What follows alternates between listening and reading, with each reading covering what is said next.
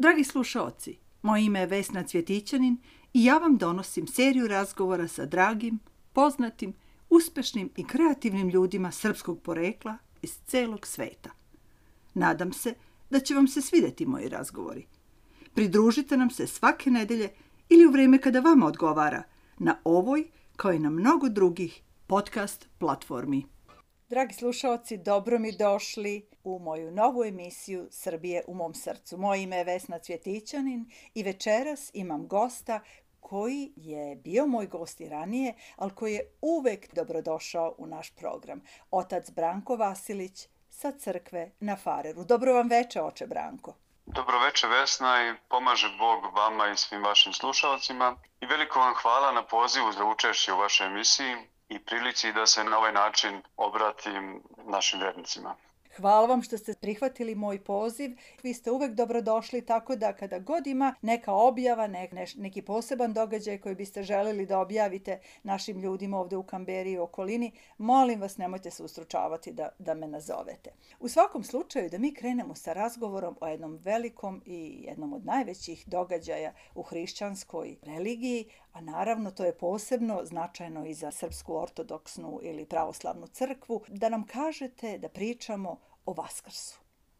To je baš aktuelno i divno pitanje. Mi se nalazimo trenutno u, možemo slobodno reći, najblagoslovenijem delu godine u pripremi i iščekivanju praznika nad praznicima Vaskrsenja Hristovoga.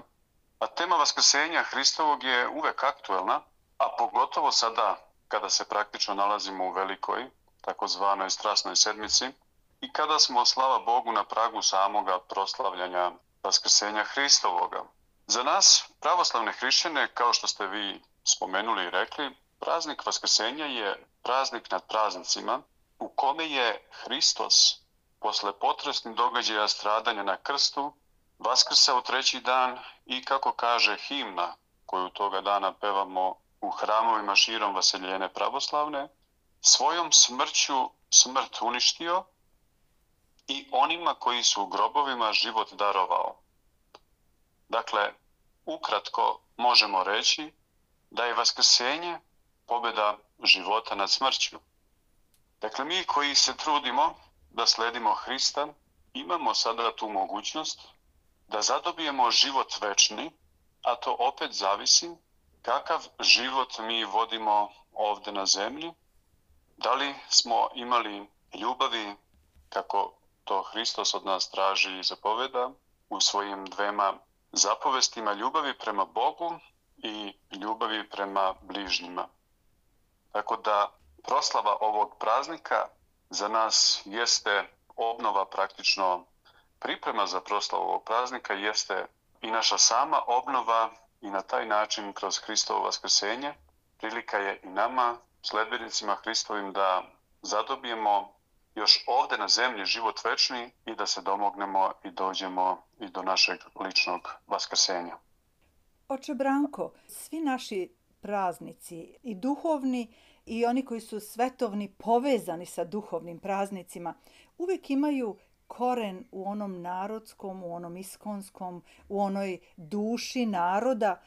Recite nam malo o tim običajima. Kako su običaju u, u vezi Vaskrsa nastali? Kako su se zadržali u našem narodu? Kako su se prenosili? I koji su najvažniji ti običaji? Ajte nam recite malo o tome.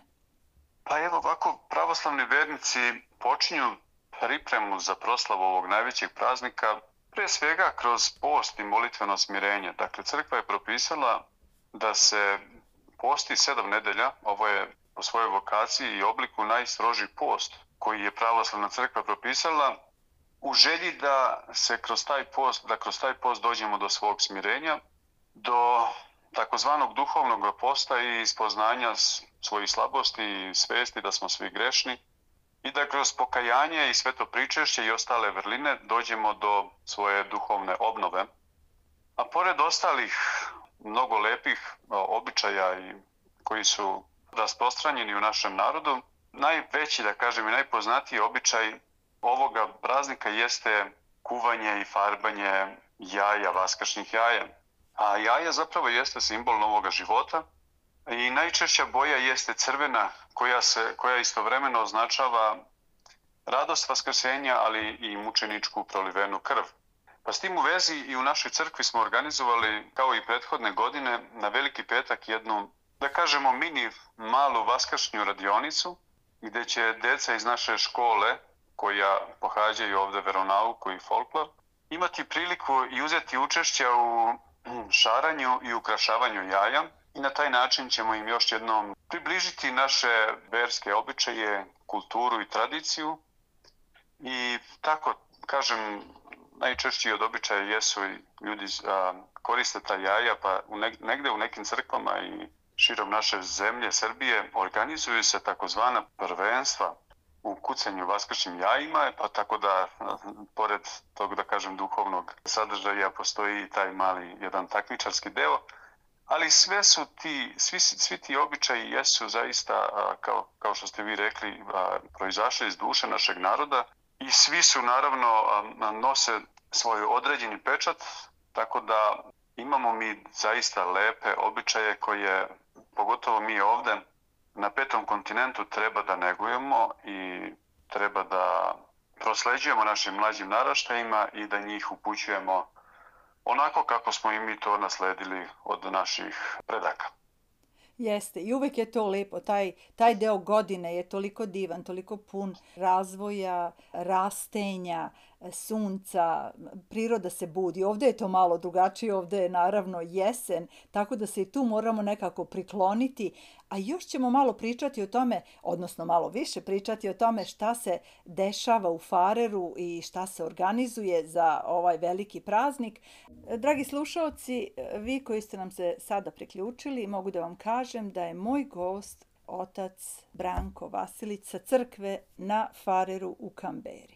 Oče Branko, najavili ste jedan događaj koji je veoma zanimljiv i kažete da je već u druge godine se dešava Vaskršnja radionica za Veliki petak za decu. Recite nam, osim toga, šta još će biti organizovano i šta se još može očekivati i kako ljudi da dođu, neku satnicu da nam date za, taj, za te dane.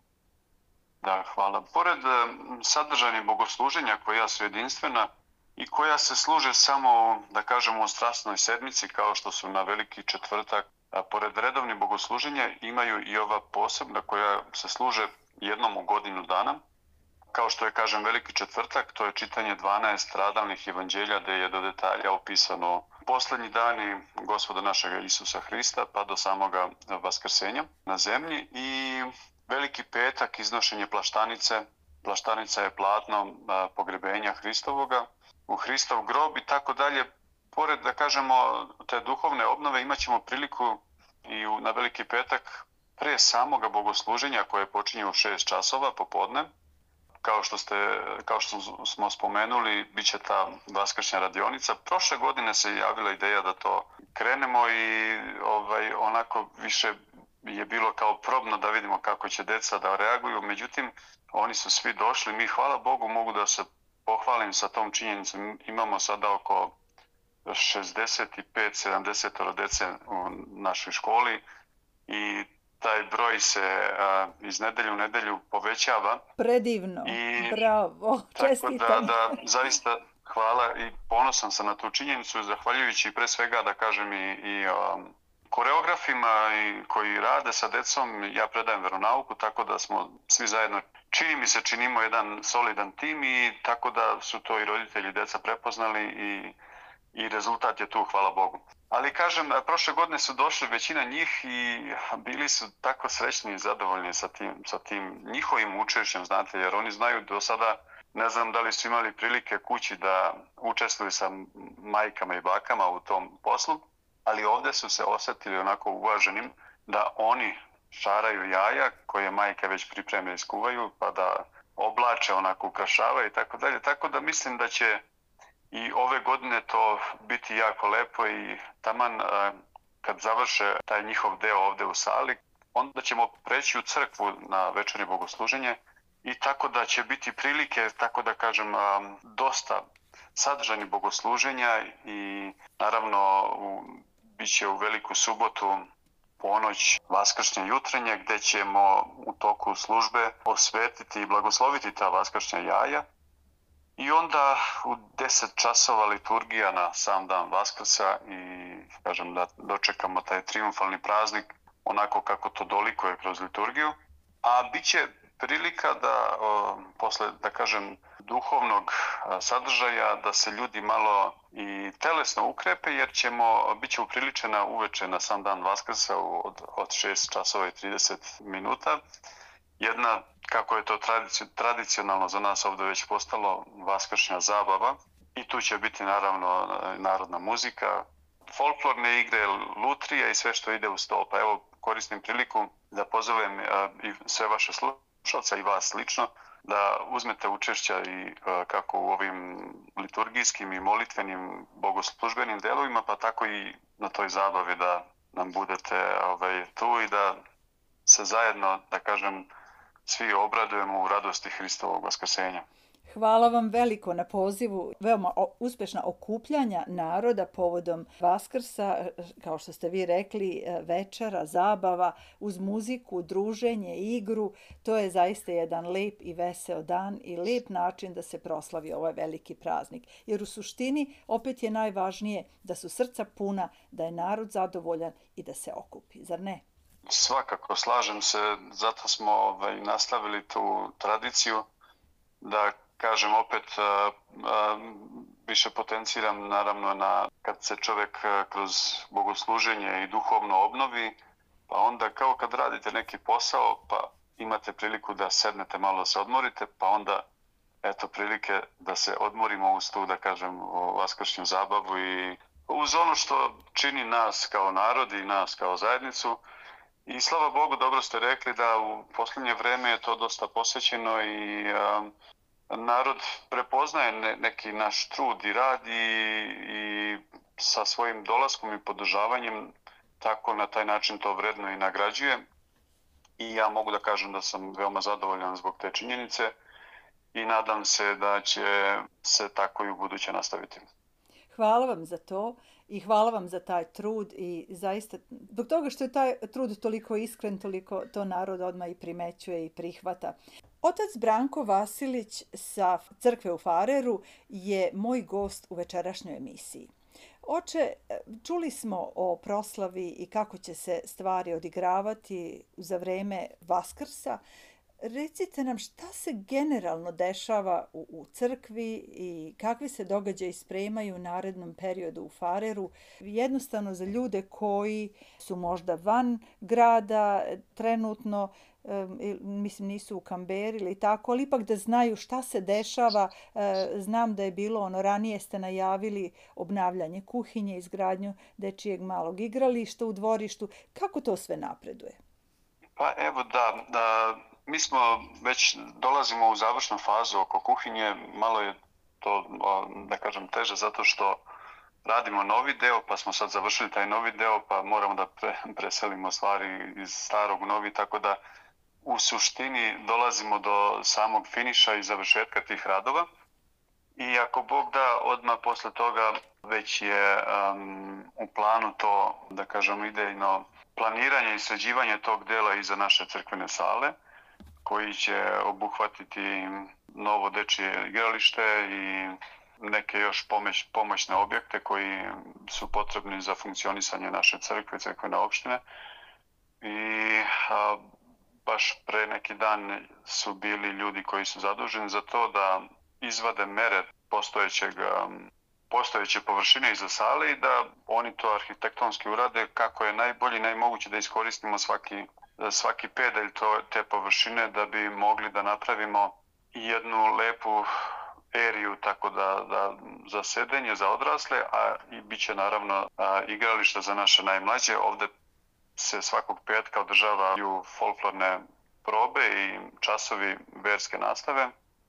I kao što sam već pomenuo da je to već a, dosta posvećeno, da dosta dece imamo, samim tim i roditelji i bake i deke dolaze tako da je petkom zaista puna sala i onako baš sve graji od radosti, od e, raspoloženja. Pre svega kada vidimo našu decu da su raspoložene i da su tu, da se osjećaju ono što ja kažem uvek u ovoj crkvi, da se osjećaju kao kod svoje kuće, onda će imati osjećaj pripadnosti i shvatiti da je to njihova crkva i da to što mi sada radimo, radimo sve za njihovo dobro i za njihov boljitak i oni će imati tu svest da jednog dana kada oni budu roditelji da isto ovako kao što se mi sada trudimo da radimo, da i oni se staraju o svojoj crkvi, o, o tome sve što dobiju da proslede dalje svojim potomcima i tako da je to sve jedan krug koji mi pokušavamo da,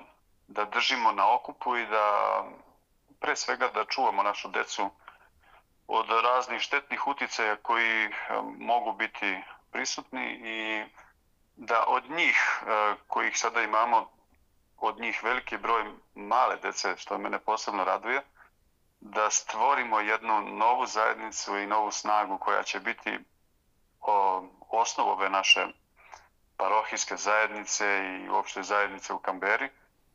Nas nema toliko mnogo i zato je jako važno da svi budemo um, zajedno i da se držimo jedni drugih i da znate kako, da, da, da nas sutra možemo se osloniti jedni na druge i u svakom pogledu. To su neke stvari koje mi ovde radimo pored naših uh, redovnih uh, dešavanja, okupljanja. Kao što znate imamo utorkom penzionersko društvo koje se okuplja. Nedeljom i praznikom, svake nedelje i praznike imamo u 10 časova svetu liturgiju. Subotom uveče imamo večernje bogosluženje. Sledeći, da kažem, neki događaj vezan za našu crkvu i proslavu malo veći, bit će posle ovih vaskršnjih praznika proslava Vidovdana koju mi već godinama pravimo i držimo priredbu, deca drže priredbu i tako da je prilika i to da se veći broj iz Kambere i okolnih mesta skupi toga dana u našoj crkvi i sve redovno, redovne događaje koje imamo često ljudi mogu pogledati i informacije o našoj crkvi i izbivanjima na našoj zvaničnoj Facebook stranici, tako da i tu mogu pronaći informacije o dešavanjima, bogosluženjima i svim događajima vezani za našu crkvu i parohiju. E sada kada ste pomenuli Facebook stranicu, recite mi tačno ime pa da ljudi mogu da lako nađu. Naša Facebook stranica je Saint Sava, Serbian Orthodox Church, Farer ili ako samo ukucaju Sveti Sava Farer, ona će, pretpostavljam, već izaći ponuđeni, ponuđena i tako da mogu lako da zaprate tu stranicu i da preko nje dobiju neke pretpostavljam informacije, za njih više ili manje korisne, ali svakako informacije o radu naše crkvene opštine i crkvene zajednice. Divno, divno. Meni je uvek drago kada čujem, kao što ste vi rekli, da najmlađi dolaze, da dolaze one srednje generacije I naravno, ima jedna zanimljiva stvar da mnogi ljudi koji su u stvari mladi ljudi koji su ušli u brakove sa ljudima iz drugih kultura i možda čak i drugih religija e, i njihovi bračni drugovi, njihovi partneri vole da dođu i da se pridruže i njihova deca se isto osjećaju dobrodošla i prihvaćena. I, i to, ta, ta reč koju ste rekli, pripadanje, to je toliko značajno kada smo ovako daleko, zar ne? Apsolutno, apsolutno. Pa čovjek je biće zajednice i samim tim kada čovjek osjeti pripadnost nekoj zajednici, a pogotovo u crkvenoj zajednici gdje je, gdje je duh sveti prisutan i crkva naša 2020 godina stoji uzdignutog čela, tako da kažem, onda a, i sami blagodatni darovi duha svetoga deluju na ljude da dođu da pristupe. Imao sam zaista i par slučajeva gdje ljudi iz drugih a, religija, odnosno iz drugih konfesija, da dođu i da žele da pristupe svetoj tajni krštenja u našoj crkvi. I e, imao sam baš primjer da mi jedan čovjek kaže, ja ne znam šta, ne mogu da objasnim, ali ja osjećam, kada uđem u vašu crkvu, osjećam mir, osjećam ono što, što u drugim ne osjećam i to je zaista primjer da je u našoj crkvi duh sveti i da je glava naše crkve Hristos i naravno imao sam takvi par slučajeva da je, da je posle određenog osnovnog uvođenja u, na, u istine i osnove naše vere, da smo izvršili sve tajno krštenja i da uglavnom, obzirom kao što ste rekli, da živimo ovde u, da kažemo, mešanoj sredini i da je često slučaj da se a, i naši a, ljudi, naše momci ili devojke sklapaju svetu tajnu braka sa drugim verama, ali uglavnom oni pri, pristanu i dođu i na, i na venčanje i kasnije krštavaju decu u našoj pravoslavnoj veri. Oče Branko, hvala vam puno što ste bili gost u mojoj emisiji. Ja sam sigurna da će naši slušaoci biti e, zadovoljni da, da smo vas pozvali, da ste nam rekli sve ove informacije i čućemo se opet.